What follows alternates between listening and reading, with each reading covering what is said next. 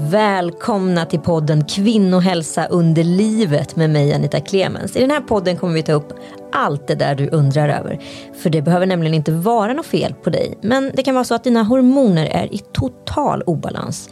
Under den här poddserien kommer experter från Hercare tillsammans med mig och kända gäster gå till botten med alla kvinnoåkommor. Allt ifrån hormoner, PMS, fertilitet, klimakterie och hypotyros. Och idag har vi kommit fram till för klimakteriet.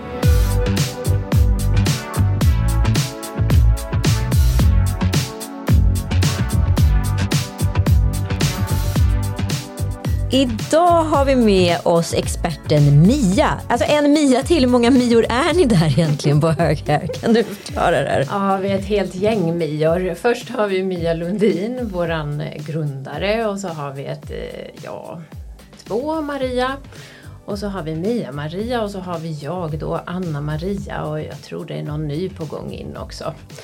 Så att, eh, är, det, är det ett kriterium för att bli rekryterad? Ja, man kan undra om det var det från början men nu är det nästan så att vi måste börja sätta stopp.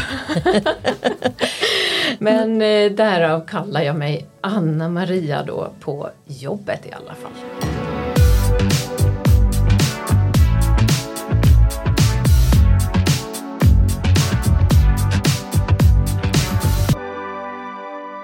Men Anna-Maria, kan du inte berätta lite, vem är du? Ja, jag, är, jag jobbar som sjuksköterska först och främst på, på Hörkar. Eh, jag har varit sjuksköterska sedan 99 tror jag. Jag satt och funderade länge om det var 98 eller 99 men vi tar 99 så jag inte överdriver. det är så länge sedan.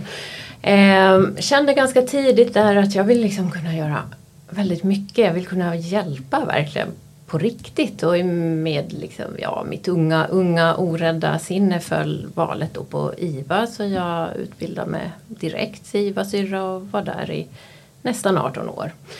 Sen hände livet som vi har pratat om här lite innan. Saker händer. Det kommer vi att komma in på mycket tror jag. Och eh, en utbrändhet 2014. Eh, var så dåligt att jag inte begrep vad det stod i ett sms ens en gång. Oj då. Ja. Men eh, där då i den läkningen där öppnades mitt intresse för lite mer eh, holistisk tänk och att men gud det finns ju en hel värld där utanför den här IVA som är minst lika intressant. Så då började jag efter min egen läkning plugga alla möjliga olika utbildning, utbildningar för att hitta vad jag ska göra när jag blir stor. och eh, ja, jag brinner för livsstilsmedicin, att se helhet, sammanhang, varför mår man som man gör och gå till liksom rotorsaken och det är ju därför jag är på Hörkar.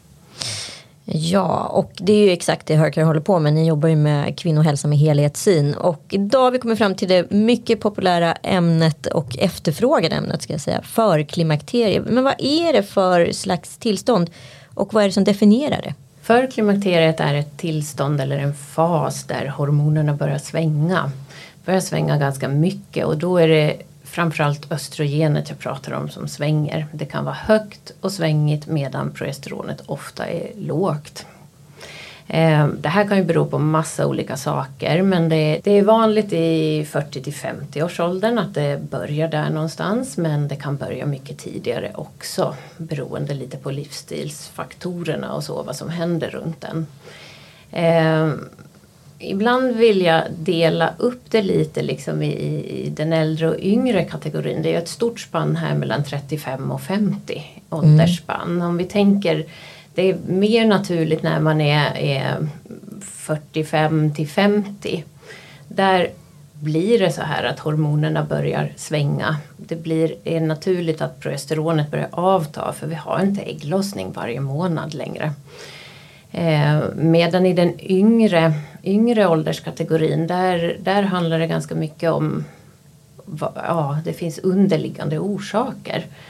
Som till exempel? Stress, det kan ju vara underliggande sjukdomar också. Hypotyreos blandar sig i ägglossning men stress är ju en jätte, jättestor del och den kommer vi in ganska mycket på gissar jag under dagens podd. För det, det är den stökar till det och man kan nästan säga att det här förklimakteriet knappt skulle finnas utan liksom dagens livsstil och stress. Och, men, men det finns annat, näringsbrister och ja, det är många, många olika saker.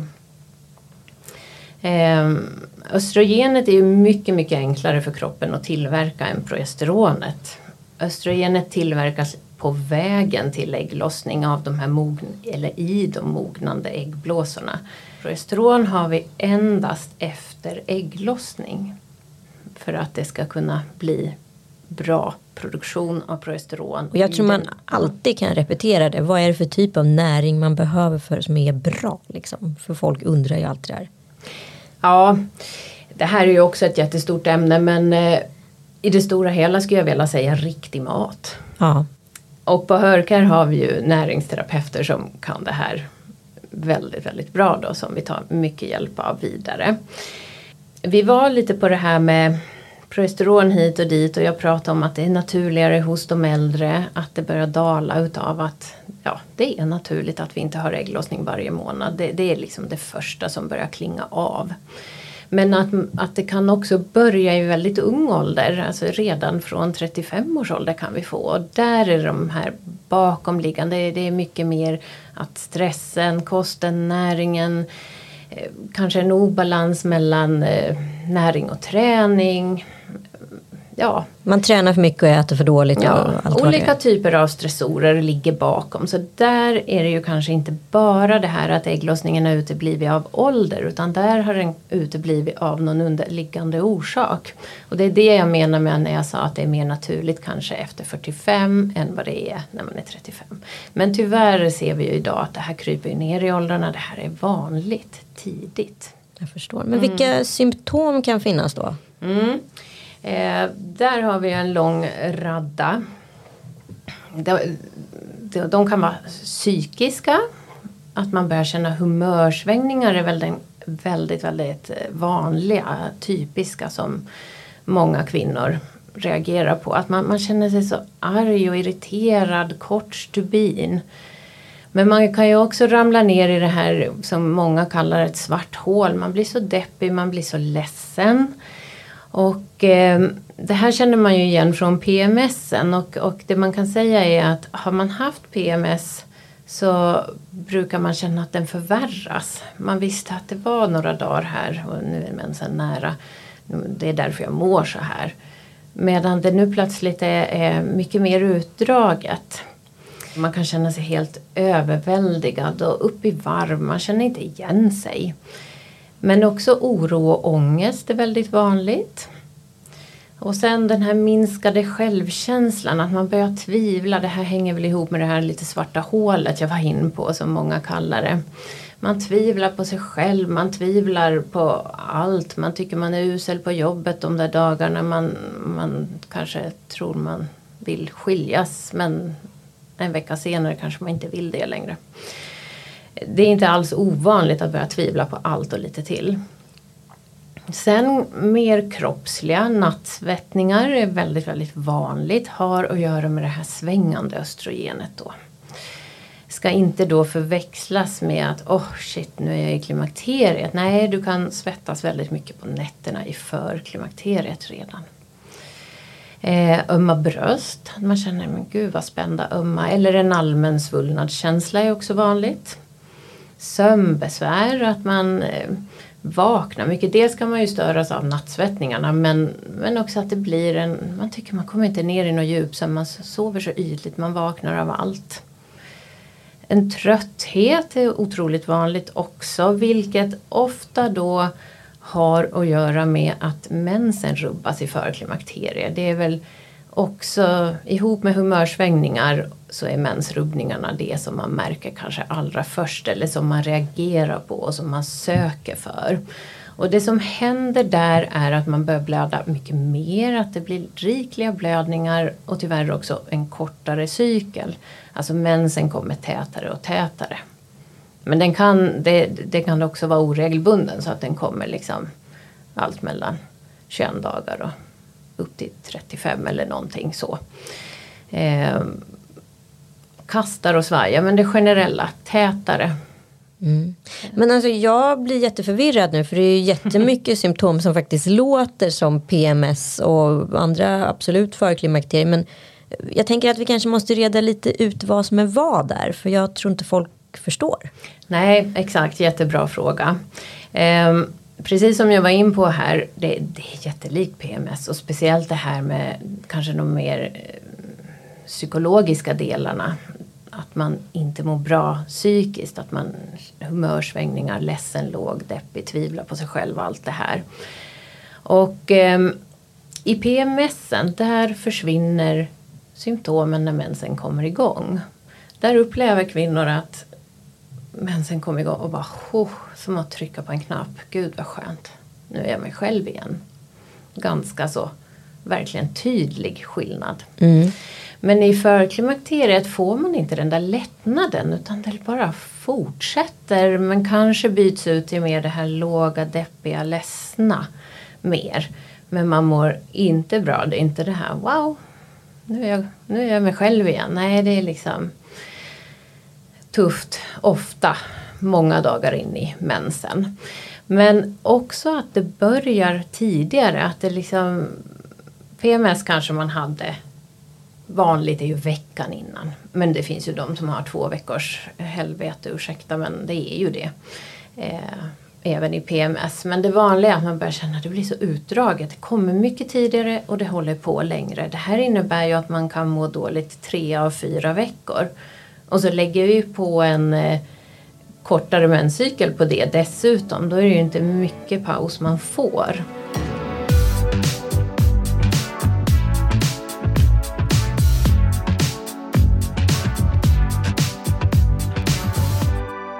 Men vi har en gäst med oss här i studion som upplever att hon själv är drabbad av det här. Varmt välkommen Lisen Bratt Fredriksson. Kan inte du presentera dig lite för våra lyssnare som inte vet vem du är? Ja, tack. Eh, ja, vem är jag? Jag är eh, före detta, får jag säga då, eh, landslagsryttare i hoppning och har varit fram och tillbaka i landslaget i 15-20 år driver mitt eget, eller driver några företag ganska mm, inriktat runt häst. Eh, ett aktivt liv, ett mycket resande har det varit. Och nu så har jag stigit av sadeln eller ur sadeln som man säger och sitter lite mer stillasittande vid kontor och gör saker. Och tycker det är jättekul att komma hit och lyssna på, på dig Mia. Ja och du Idag pratar vi om förklimakteriet och är det någonting av det Anna Maria säger som stämmer in på dig? Ja men alltså jag blir helt livrädd när du börjar och jag tänker så här, vad är det man säger? Säger man klimakteriekärring? Eller vad är det man säger? Visst gör man det? Och tänker jag att det här är liksom mer som ett så här, man är på tivoli och så går man och så helt plötsligt ska man åka liksom svarta tåget och så går, åker man upp i någonting och så åker man ner. Och så, alltså det är ju en att vara det tillstånd som är väldigt eh, så här, upp och ner varierande. Ganska svårt att ta på. Mm. Eh, och eh, jag har aldrig haft koll på liksom, när jag har PMS och när jag ska ha mens. Eller när, alltså jag har varit väldigt eh, Jag har tagit väldigt lite hand om mig själv. Jag tror kanske att det är för att jag håller på liksom med djur och sätter dem hela tiden. Så här, man åker till veterinären med dem och man ser att de mår bra hela tiden. Eh, eller så är det bara jag som är så. Men jag har aldrig liksom haft koll på min kropp. Men nu då när man fyller 46 så går jag liksom och väntar på de här signalerna hela tiden och känner efter och vet väldigt lite. Och jag tror kanske att jag är nog inte helt själv. En del av mina vänner de vet jättemycket och de bara nu, har jag, nu kommer jag in i den här fasen och nu så och så. Men det visar sig att vi som inte har vågat säga att vi inte vet så mycket. Vi, det här är liksom samtidigt som man känner att man känner ju att det händer saker med kroppen så att man vill vara lite förberedd. Mm. Men om vi backar bandet för egentligen så den här podden heter ju kvinnohälsa under livet och egentligen bör man ju då prata om underlivet på riktigt från att det man eh, blir liksom gravid första gången eller är i den åldern man ska gå in i en graviditet till ända fram till klimakteriet. Så, så här, men om vi börjar med din, gra, dina graviditeter. Du har tre mm. pojkar i olika åldrar. Mm. Men hur har de graviditeterna varit? Ja men de har varit den första då. Eh, det blev så enormt stor. Och gick över tiden två veckor och kom in och de sa du det här barnet är jättestort, det kommer väga 4,6 kilo. Och jag bara oj, så du kan inte föda honom utan vi vill göra kejsarsnitt. Så det, som må, många födslar, det blir liksom inte riktigt som man har tänkt sig. Eh, så han kom ut och var ännu större, vägde över fem kilo. Eh, och, ja, och då var de helt säkra på att jag hade diabetes. Eller det heter, vad heter, heter det? Gravid, Graviditetsdiabetes kanske Så det är någonting, ja. ja. Mm. Så att med, med andra barn så test, ville de testa mig hela tiden för att ha koll på, um, på sockret. Och då får man ju dricka sån här glukos. Och, eh, så jag fick göra det två gånger. Ehm, vilket är ganska otrevligt. Bara för att jag blev också så stor varje gång. Eh, men han tog man ut två veckor innan i kejsarsnitt. Och eh, den tredje kom också med kejsarsnitt då eftersom de första gjorde det. Ehm, så tre kejsarsnitt. Och det, som kvinna så är det så här, det är kanske inte det man drömmer om. Man har ju bara velat vara med om en riktig förlossning någon gång. Ehm, det känns lite som man är snuvad på den.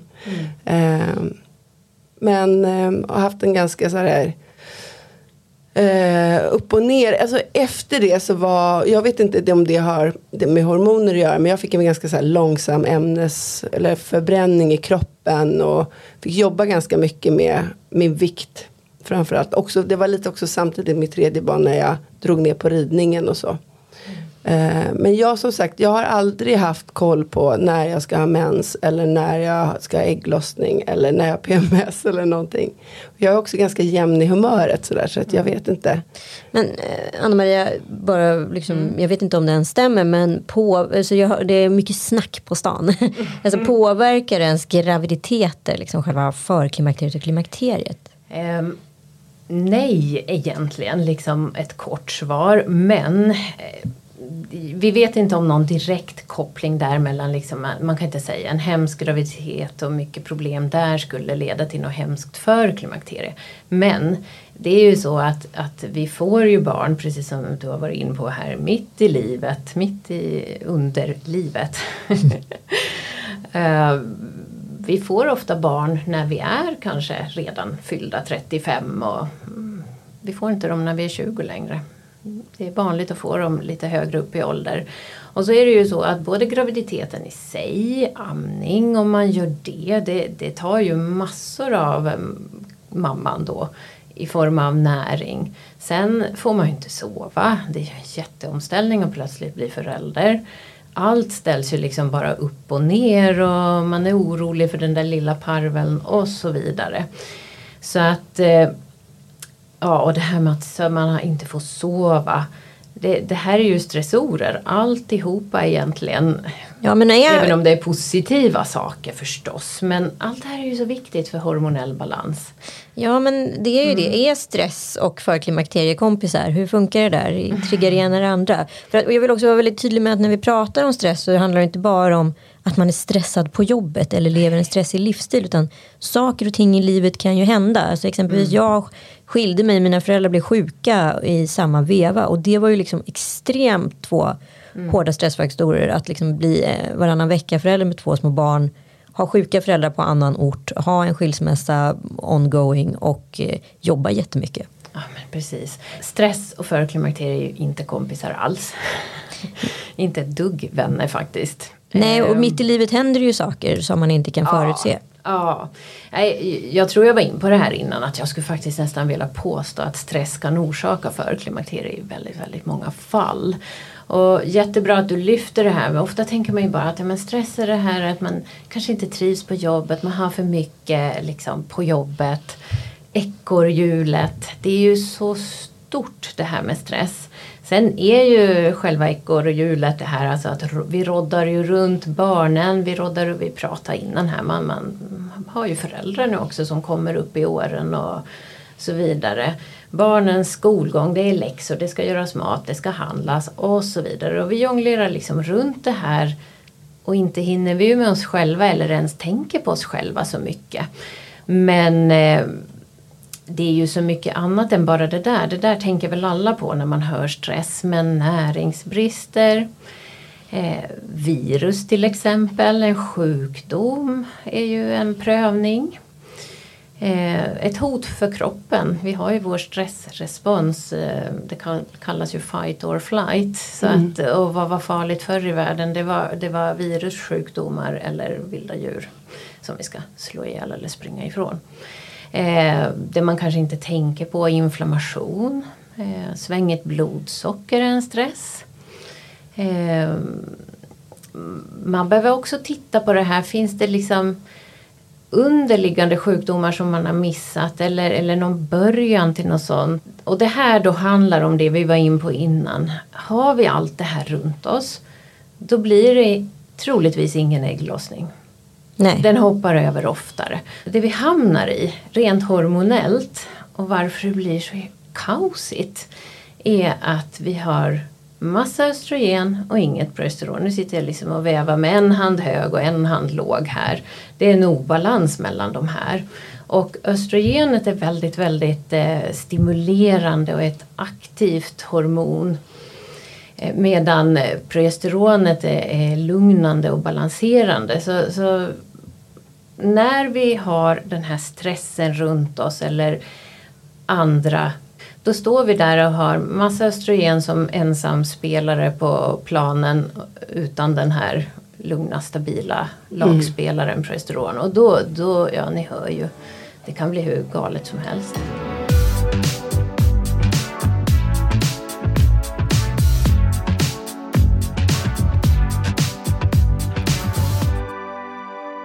Men eh, Lisen, efter dina graviditeter, vad, vad hände då? Du hoppade upp på hästen igen rätt fort. Liksom. Ja men precis. Och jag, det tycker jag är så intressant att höra här nu hur du pratar. Eh, jag hoppade upp på hästen och red och eh, jag måste säga att jag har ju verkligen inte tagit hand om mig själv. På, jag har inte haft koll på det här och jag tror att man har jag hade mått mycket bättre om jag hade haft lite mera eh, koll för att men jag lever ett ganska stressigt liv då som vi är många som gör. Eh, och det blev nu väldigt tydligt i höstas för då jag blev lite, lite förkyld i, typ i september och sen så blev jag liksom aldrig bra och jag blev och jag hade jättestora projekt, jag hade jättemycket jobb och eh, min man reser väldigt mycket så han är borta. Så jag är ganska så här ensamstående gift om man får kalla det det. Mm. Men eh, jag blev aldrig bra. Jag gjorde, åkte in och tog massa olika prov.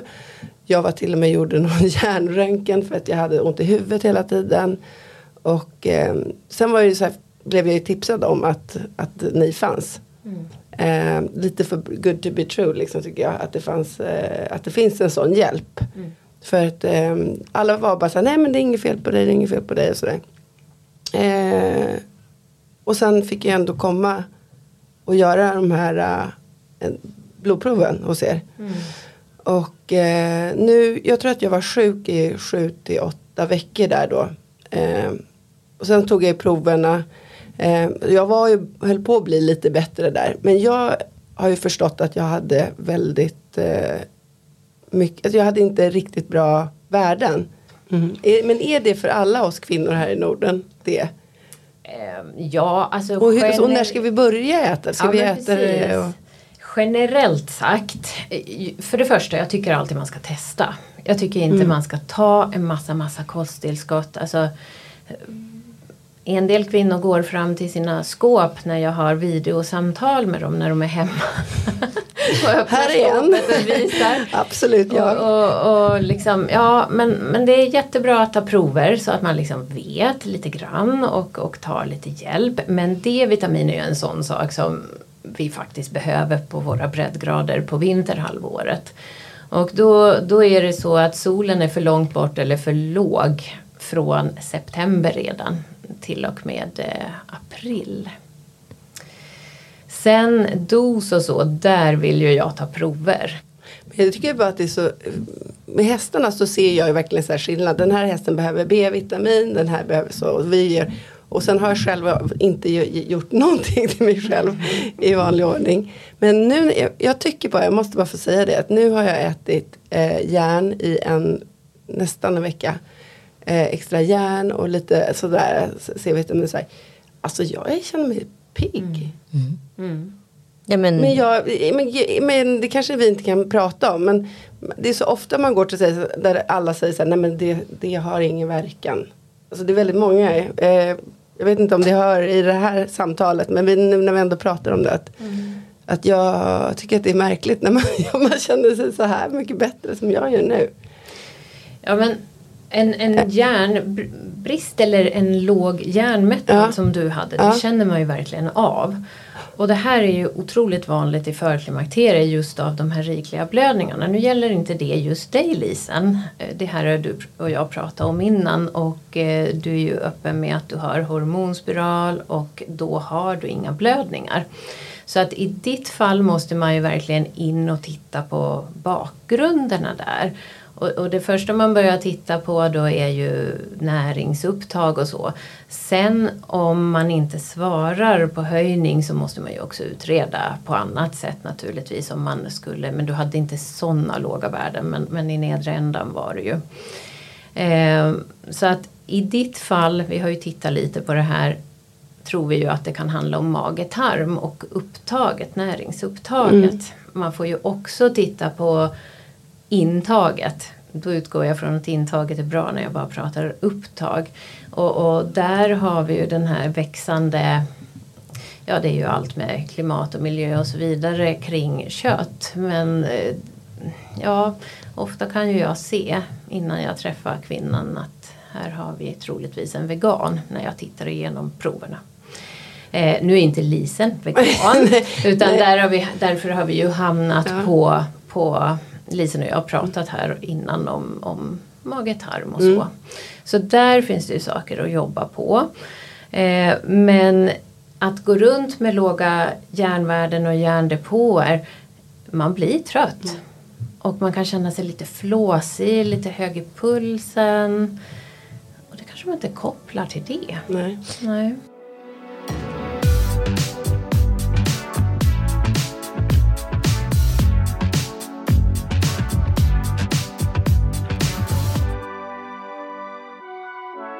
Lisa, jag vill bara backa bandet lite här. Du gjorde nämligen en blodutredning först på vårdcentralen och den gav inte alls samma resultat. Nej, nej men precis för att jag tror att eh, de har ju är liksom ett bra, bra prover såklart. Men den är ju väldigt så här, tror jag, generell. Eh, och eh, eh, återigen jag kan se det att när jag, när jag hästar, om jag bara åker och skickar på ett vanligt labb. Så kommer det ett visst, men om jag skickar och verkligen så här, eh, vill ha väldigt utförligt eh, så kan jag få det också. Eh, och det var det vi gjorde nu som var skillnaden. Och på, som sagt mina andra prover så syns det ingenting. Du ligger inom normala gränser. Men det här blir väldigt, väldigt tydligt. Eh, med järnbristen till exempel. Som jag nästan liksom gick och kände på mig lite grann. Men i och med att de andra proverna sa ingenting om det så var jag så här, "Ha, nej men då är jag väl trött. Då är det väl någonting annat då. Eh, sådär. Sen kanske man fortsätter att vara trött om man äter järn och då får man väl eh, sådär. Men det är ju dumt om man ska gå omkring och, och man kan hjälpa på det sättet. Ja, men precis. Absolut. Nu nämnde ju vi lite snabbt här att Lisen hade spiral. Vad, vad är generella liksom, eh, riktlinjer om det här eller vad man säger? Det här med hormonspiral då och eh, det, det är bra du tar upp det för att det är, vi får många många frågor kring det här. Man har ju hört att, att man kan inte ta proverna och man kan inte tolka blodproverna och så.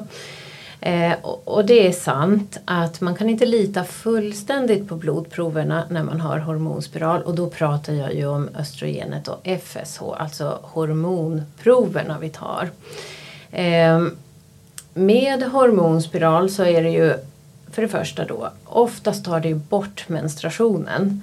Så att då har ju inte kvinnan en cykel att följa. Då, då blir det ju ganska luddigt allt det här. Det, det är inte lätt liksom att, att eh, veta var och när och hur man mår på vilket sätt. Vi frågar ju så otroligt mycket om cyklicitet och sådana saker när vi, när vi tar in alla symptom och så. Och eh, hela cykeln är ju påverkad av ett preventivmedel. Så att det kan vara nedtryckt. Just hormonspiral har inte så mycket eh, man kan ha ägglossning faktiskt med hormonspiral. Eh, men många gånger har man inte det heller. Så det är lite olika hur kvinnan reagerar. Men för oss på Hörk här då, så det första, en viktig tydlig ledtråd, menstruationen, den har vi inte att gå på. Eh, vi får ta analysen av blodprover, hormoner lite med en nypa salt. Men i förklimakteriegruppen så tycker jag att den är, det säger ändå ganska mycket just östrogendelen. Så att i Lisens fall kom provet tillbaka med ganska så rejält mycket östrogen. Och, eh, och vad betyder det då? Vad är tolkningen? Ja, det betyder där att, att då vet vi med all säkerhet att Lisen har inte gått in i klimakteriet. För det kan ju många kvinnor tro när man har en hormonspiral. Man har ingen mens och man känner inte igen sig själv. Ja, ah, det är klimakteriet. Men eh, man har fortfarande produktion av östrogen. Och då kan man ju känna av det här vi har varit in på att, att man har det här lite galna östrogenet, man är stimulerad, spända bröst, allt det här kan man ju känna. Eh, att, att man blir påverkad i humör och sådana saker. Jag sitter, jag sitter här och bara funderar. Eh, hormonspiral, det känns ju liksom, även fast, fast jag har det nu, det känns ju eller det kanske är ett helt annat program. Men jag tycker ändå att det är intressant att prata om det. Mm. Eh, hormon eller eh, koppar eller vad det är man har. Det, vad är bäst för klimakteriedelen egentligen? För det är ju det, där är en det är någonting som man inte får någon information om när man... Nej men precis. Alltså, det ska jag säga först och främst att de allra flesta mår ju bra på sin hormonspiral. Fast jag ser ju då ändå ganska ofta hos mig kvinnor som inte gör det. Men där måste man ju sätta in i relation till att det finns ju inte en kvinna som mår bra på sin hormonspiral som söker sig till oss. Så vi ser ju bara de som inte mår bra oavsett spiral eller inte. Ehm, och vilken typ av preventivmedel man ska ha Ja det är nog ett annat program men det, det, mm. det är verkligen eh, man måste ju ta en stor individuell bedömning mm. och den kan inte jag som sjuksköterska göra. Eh, det jag verkligen vill lyfta också med det här nu att eh, hormonspiral eller inte och så är att om den är insatt på indikation av rikliga blödningar, många gånger är den det. Just det. Och då ska man ju verkligen inte bara gå och ta bort den utan då behöver man ju ha en ordentligt samtal med sin mm. gynekolog och ha en plan B. För att det finns ju kvinnor som blöder så mycket så att det verkligen blir farligt för dem att, att bara mm, plocka mm. ut den och inte ha någon annan plan. Så att eh, jag ska inte uppmuntra till att ta bort några hormonspiraler men jag vill ändå lyfta att man kan må dåligt på den. Och det är inte helt ovanligt att jag då ser i mitt jobb att, att eh, kvinnorna som har tagit bort den det är ganska ofta de väljer att ta bort den nämligen innan de kommer till oss för de vill verkligen veta hur det ser ut här och nu utan något störande preventivmedel. Och det de berättar då är att att innan var jag väldigt låg och ledsen men den biten har liksom släppt. Det där lite låga, ledsna, jag var deppig det släppte men, men jag är fortfarande förbannad. ja. Så det hjälpte ingenting.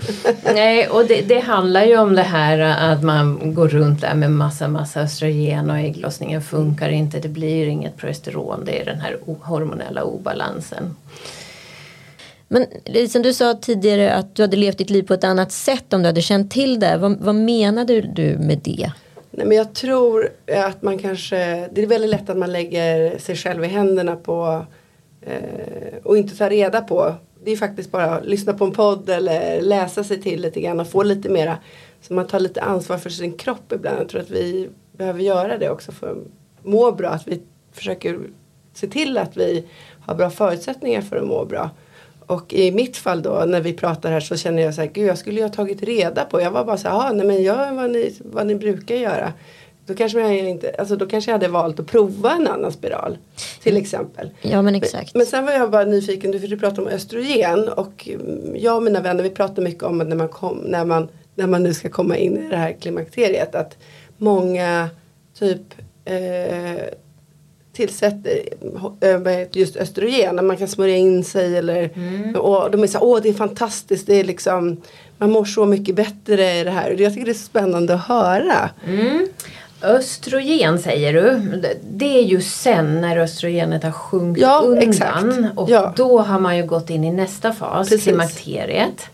Eh, jag undrar om inte du också kanske pratar lite om att man smörjer eh, progesteron. Ja men det kanske det. Kan det vara det? Ja, jag är så dålig på allt det här. Ja, nej, nej, men, men, så är det nog. Så är det nog. Ja, precis. För att i, i för klimakteriet, jag tjatar på här om det här obalansen att man är hög i östrogen, har inget progesteron eller för lågt i förhållande till varandra. Eh, det som kallas lutealfas, det är efter ägglossning fram till mens. Där ska man ha ganska rejält med progesteron. Det har vi normalt när vi ännu är fertila och lite yngre. Sen börjar det halta som sagt. Av olika anledningar. Kanske bara av att man då har passerat 45 eller något. Och där i förklimakteriet då kan man gå in med progesteron. Och då väljer vi då bioidentiskt progesteron. Då vill vi liksom få in den här lugna, balanserande, rogivande aktören på spelplan igen. Så att det dämpar hormonsvängningar. Den här ilskan brukar bli dämpad av det. Det tar ju bort det här spända, ömma brösten. Östrogen stimulerar ju nämligen bröstvävnad ganska mycket. Sen är ju östrogen eh, vätske Alltså det, det, det samlar lite vätska, håller vätska medan progesteron driver vätska. Så det här att man känner att man får knappt kan spänna jeansen veckan innan eller att man Många upplever ju att man känner sig plufsig cykliskt. Det här hjälper ju också progesteron väldigt mycket på och så för kvinnorna som, som har sina menstruationer som är rikliga har blivit kortare. Ofta är, handlar det om att, att eh, progesteronet fattas när mensen kommer tidigare och tidigare och Men tidigare. det är helt fantastiskt om man kan tillsätta det då. Ja. Man knaprar man det då eller man smörjer in det? Nej, det- ja, både och går.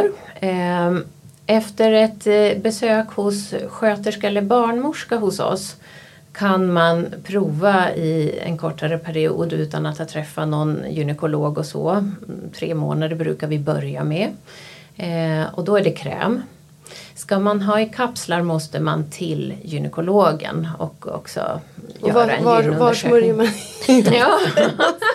Är det på kinderna eller på brösten? Smörjer sig. Ja, men visst, visst, det är ju helt otroligt. Ja, jag tycker att det är bara så här, och varför är det ingen som har talat om det här? Visste du det Anita? Jag visste att krämerna fanns men jag har liksom inte förstått om de funkar eller inte. Alltså ibland ser man ju bara så här, eh, jag får upp olika ads eller e-post om de här grejerna men man förklarar inte vad, Nej. hur man använder dem eller vad man gör. ju- Nej men det här, det här kan man ju skriva ut på recept. Eh, och det, det, det kan göras då från Hörkär. Sen finns det ju många som beställer också på nätet och så. Och, eh, men det man ska veta då är att det är ju klassat som, eh, ja, men som ansiktskrämer och så. Inte riktigt samma, samma kontroll helt enkelt på innehåll och så vidare. Eh, och så rekommenderar jag ju verkligen att man vet att man har en obalans och, och, och vad rotorsaken är innan man börjar labba med hormoner. För det, det, det ser vi ju väldigt mycket av att, att man har kanske smörjt på väldigt felaktiga sätt och så. Och var smörjer man då? Ja, tillbaka till det. Insidan av underarmarna, där har man väldigt tunn hud och bra upptag. Så insidan av eh, underarmarna, morgon och kväll, på, på det vi skriver ut i varje fall. Mm. Och eh, man, man eh, kan ju inte smörja det här hejvilt månaden ut. Eh, En del känner ju sig frestade att göra det för att de mår så bra på det men då skapar man ju en helt annan hormonell obalans. Utan vi, må, vi strävar ju alltid efter att liksom stötta det naturliga, få det så naturligt som möjligt och så vidare. Eh, så att det här hjälper ju verkligen jättemånga kvinnor och eh, ja, det, det, man kan behöva jobba på en hel del andra saker också och det är ju det jag varit in på men man måste ju titta varför blev det så här. Men en kvinna som är 47 år, inte just har några ägglossningar kvar de här sista åren innan man går in i klimakteriet, de mår oftast väldigt, väldigt bra på det och känner en, precis som du sa Lisen, att, att du har väninnor som verkligen beskriver att det är en en stor förändring Men hur länge är vi i klimakteriet? Kommer vi ur? Kommer vi, kommer vi ut de här? Lisa, vi pratar om Hjälper. förklimakterie idag. Ja. Du är inte i klimakteriet ännu. Men sen då? Men sen är man det alltid? Eller vadå? Vad är, Sen, nu, nu tänker du vad som hände sen? Ja, vad eller? händer? Alltså, det är ju så här, för klimakteriet, det är då som vad jag förstår på dig, det kan vara med 15-10 år. Ja men det här är ganska intressant. Eh, Det här tänkte jag faktiskt komma in på tidigt men här passar det ju alla tiders. Förklimakterie kallar man ju lite omvända puberteten. Just det. Den är ju faktiskt ganska eh, Kan vi inte kalla det för det istället? Mycket roligare. Ja, precis. Nej, men eh, om, om man liksom... Eh, ja, men barnen. När vi Ja. var barn, då hade vi ingenting. Sen börjar det ju produceras östrogen och det är väldigt svängigt. Men, så det svänger upp och ner, upp och ner. Men i en uppåtgående eh, spiral. Eh, sen är vi, har vi ju många fertila år här då och då fram till det här vi pratar om idag. Så att här mellan ja, 18 någonting kanske och fram till 30-35 så, så håller vi på och cyklar men högt. Alltså vi har mycket, mycket hormoner och cyklar där uppe. Sen ska det här östrogenet liksom börja hacka sig neråt. Och då börjar det svänga precis som det gör för våra tonårsdöttrar. Eh, Hon skjuter väl mig om jag säger sånt här men, men jag har ju en Jag har en 12-åring hemma och jag tycker jag börjar märka det här att gud vad det svänger. Jösses. Och så jag då 45. Så det är ju, och det här är ju så vanligt. Ja, och det pratar att man ju inte om. tajmar det här. Så båda har svängit. Den ena ska upp och den andra ska ner. Och, och den här nedåtgången det, det kan ju handla då om, där kan du vara i 10, 12, 13 år. Går du in i det när du är 35 som jag ju också har nämnt vill jag faktiskt säga att eh, det är ju inget permanent att du ska tro att du är det här, i det här stadiet i 15 år och kämpa på utan det går ju att få bort det när man kommer in väldigt tidigt i förklimakteriet. Ja, och vad gör man då när man, om man tar hand om sin förklimakterie eller reversed puberty eh, fas? Eh, hur blir då klimakteriet? För efter klimakteriet som pågår ungefär 10 år. Eh, Nej men ja, Då blir det bättre. Sen kommer vi ut som superhjältar. exakt. Ja, men förklimakteriet kan pågå i, i tio år, ish, däromkring. Kan vara mer. Eh, sen kommer ju den där sista mensen någon gång. Dyker den ju upp. Eh, och det kan man ju tro flera gånger och så kommer den ju tillbaka och det här är ju så frustrerande. Och det här är en grupp kvinnor som jag gärna också nämner nu när vi kommer in på det att, att de här 49-50-åringarna de, de söker och det är så, nej gud, mår inte bra. Och de är helt säkra de är i klimakteriet och så visar proverna har massa östrogen kvar.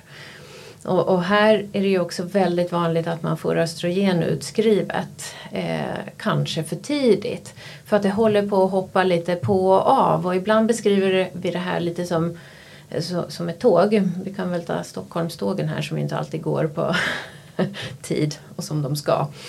Att det här tåget kan liksom åka in på den där klimakterieperrongen och nosa lite då och då här sista åren. Men så backar den tillbaka och så är vi i förklimakterie och svajar på.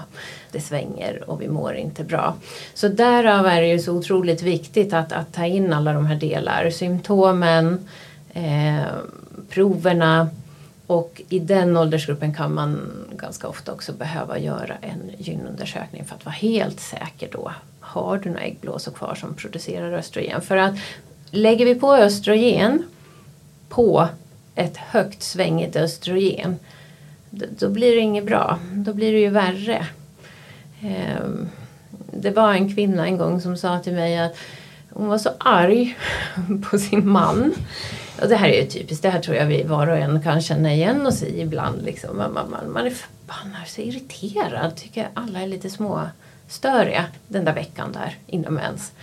Och hon sa jag var så arg så jag liksom gick där runt och tänkte att jag vill fasiken nästan ta livet av honom. Men hon skojar ju. Och så sa hon så på med de här plåstren och då kände jag nej nu jävlar vill jag. och, och, och, det är liksom, det där är ju en ytterlighet naturligtvis men jag tror jättemånga känner igen sig i det här att det man liksom har känt att åh gud vad det bubblar i mig. Och så slänger man på ett östrogen för tidigt på det. Det blir ju liksom kaka på kaka det är inte det man behöver, det är progesteronet man behöver.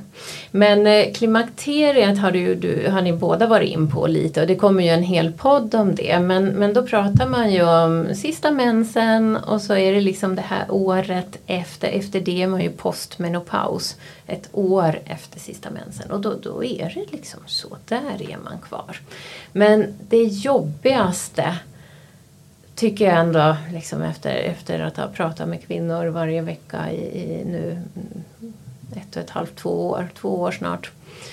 Så är ju det här förklimakteriet kanske det allra jobbigaste. Och, och jag tror det var det du var lite in på Anita, att men om vi liksom tar hand om oss här och kan det bli bättre sen? Och, för det första upplever jag att det är jobbigast i förklimakteriet än i klimakteriet. Det beror på, det finns de som har det tufft där också naturligtvis.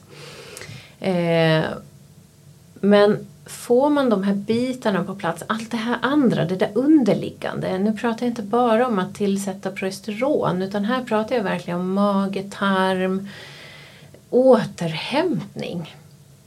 Alltså Lisen har ju varit in på många bollar i luften, man, man, man stimmar på det, man tar hand om, om hästarna, barnen, föräldrarna och glömmer sig själv. Så att liksom få in de där bitarna och uh, här kommer vi också då in på något som heter signalsubstanser. Och det jobbar vi jättemycket med. Ja, precis. Mm. Och ni som inte har hört vårt första avsnitt med Mia Lundin, en annan mm. Mia på Hercare, eh, faktiskt grundare. Hon och jag pratar om det här i nästan en timme i första programmet. Så gå in och lyssna på det ni som verkligen vill ha total koll. För mm. får man kunskap om det här då kan man faktiskt, jag är väldigt duktig på självhjälp. Ja, nej så att, att den biten är ju vanlig att man eh, i förklimakteriet, absolut, vi tar till progesteronhjälpen där det behövs och där det är det som är problemet. Men eh, vi har ju också rotat och grävt och frågat, jag frågar massor när man kommer till mig. Eh, om, för att hitta det bakomliggande också, om det finns annat. Och då genom att jobba med signalsubstanserna redan i den här fasen, det behövs i den här fasen för att må bra här också. Men då kan det ju bli ett mycket lugnare inträde i det här klimakteriet som är nästa. Så det är oerhört viktigt att ta tag i det. Men kan det räcka med att man bara vet att, alltså rent tankemässigt, psykiskt, att nu är jag här. Mm. Och hur ska jag göra nu när jag mår liksom när jag är nere i källaren. Tänker du att, att man kan hitta liksom, att man bara kan må bättre av att faktiskt få förståelse? Ja, ja precis. Det tror jag för att eh, det jag upplever när jag pratar med kvinnor är ju verkligen att det är en sån lättnad. Jag brukar stå och rita lite på tavlan och rita hur hormonerna åker och vad som händer när de är där och när de, alltså när östrogen toppar, vad som händer när det dalar. Och man bara känner igen sig. Många tar med sin man och sitter och lite dunkar i han och bara nickar åt honom. Liksom lite menande. Att, eh, för man vill att han också ska förstå. Och det är ju en väldigt stor aha-upplevelse och många kvinnor tror ju på fullaste allvar de håller på att bli tokiga och så har man kanske fått man har sökt hjälp i många år, det är ju inte ovanligt och fått bara höra att nej men du är väl deprimerad, du behöver SSRI eller det är stress. Ja men vad gör vi åt det då? Liksom, jag har ju försökt på alla sätt med min stress men det hjälper inte. Och att då få de här ju... förklaringarna. Det blir ju en stress på stressen. Mm. Men eh, när jag pratade med Mia Lundin i första programmet så pratade vi om mäns testosteronnivåer som ligger på exakt samma flatline under hela månaden under tiden en kvinnas cykel ser annorlunda ut beroende på ja, om, mm. man är, om man får PMS eller förklimakterie. Mer som ett liksom, eh, ja, ritat diagram liksom, mm. upp och ner med ganska eh, vassa staplar det är klart att det blir clincher och jag tänker också på, jag har flera väninnor som också bara har söner eh, och eh, liksom lever med män. Nej, men där, där många gånger man blir så himla, antingen så jämför man sig med dem som hela tiden är normala och man blir jättedifferentierad och onormal i sammanhanget. Eller så kanske lite som Lisen som börjar tänka på alla andra istället. Mm. Att man liksom marginaliserar sig. Jag tror man måste vara väldigt liksom vaksam till sin egen situation. Och våga tänka de här tankarna. Ja, Verkligen, jag känner bara det, det du säger nu att, att eh, här, prata mer om det, fundera mer om det så kanske man ändå säger, ja men nu idag är det en sån här dag. Eh, och eh, du är det här strecket men idag möts vi lite bättre eller liksom så. Man bara vet om det att ja, men det kanske är bra för en lång promenad. Eller sådär att man vet vad man kan göra Ja. och framförallt våga så här, adressera det vid frukostbordet. Mm. Så här. Idag är ingen bra dag för mig Nej. och det är inte någons fel. Nej. Men det kanske går ut över er. Man kan ha sån här som har på, på efter säkerhetskontrollen på Arlanda att man kan välja vilken knapp man barnen får trycka.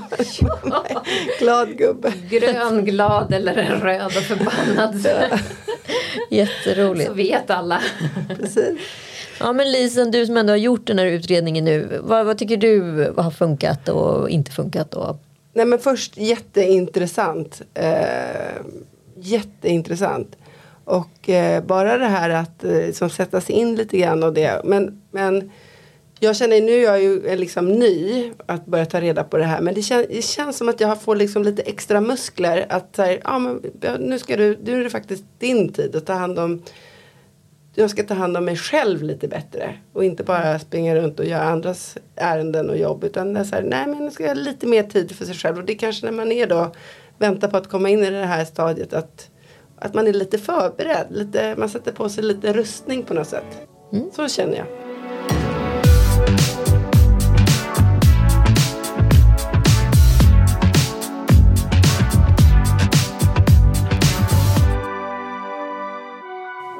Eh, vi har faktiskt fått lite lyssnarfrågor också. Ehm, östrogendominans. Betyder det att man har skyhögt östrogen?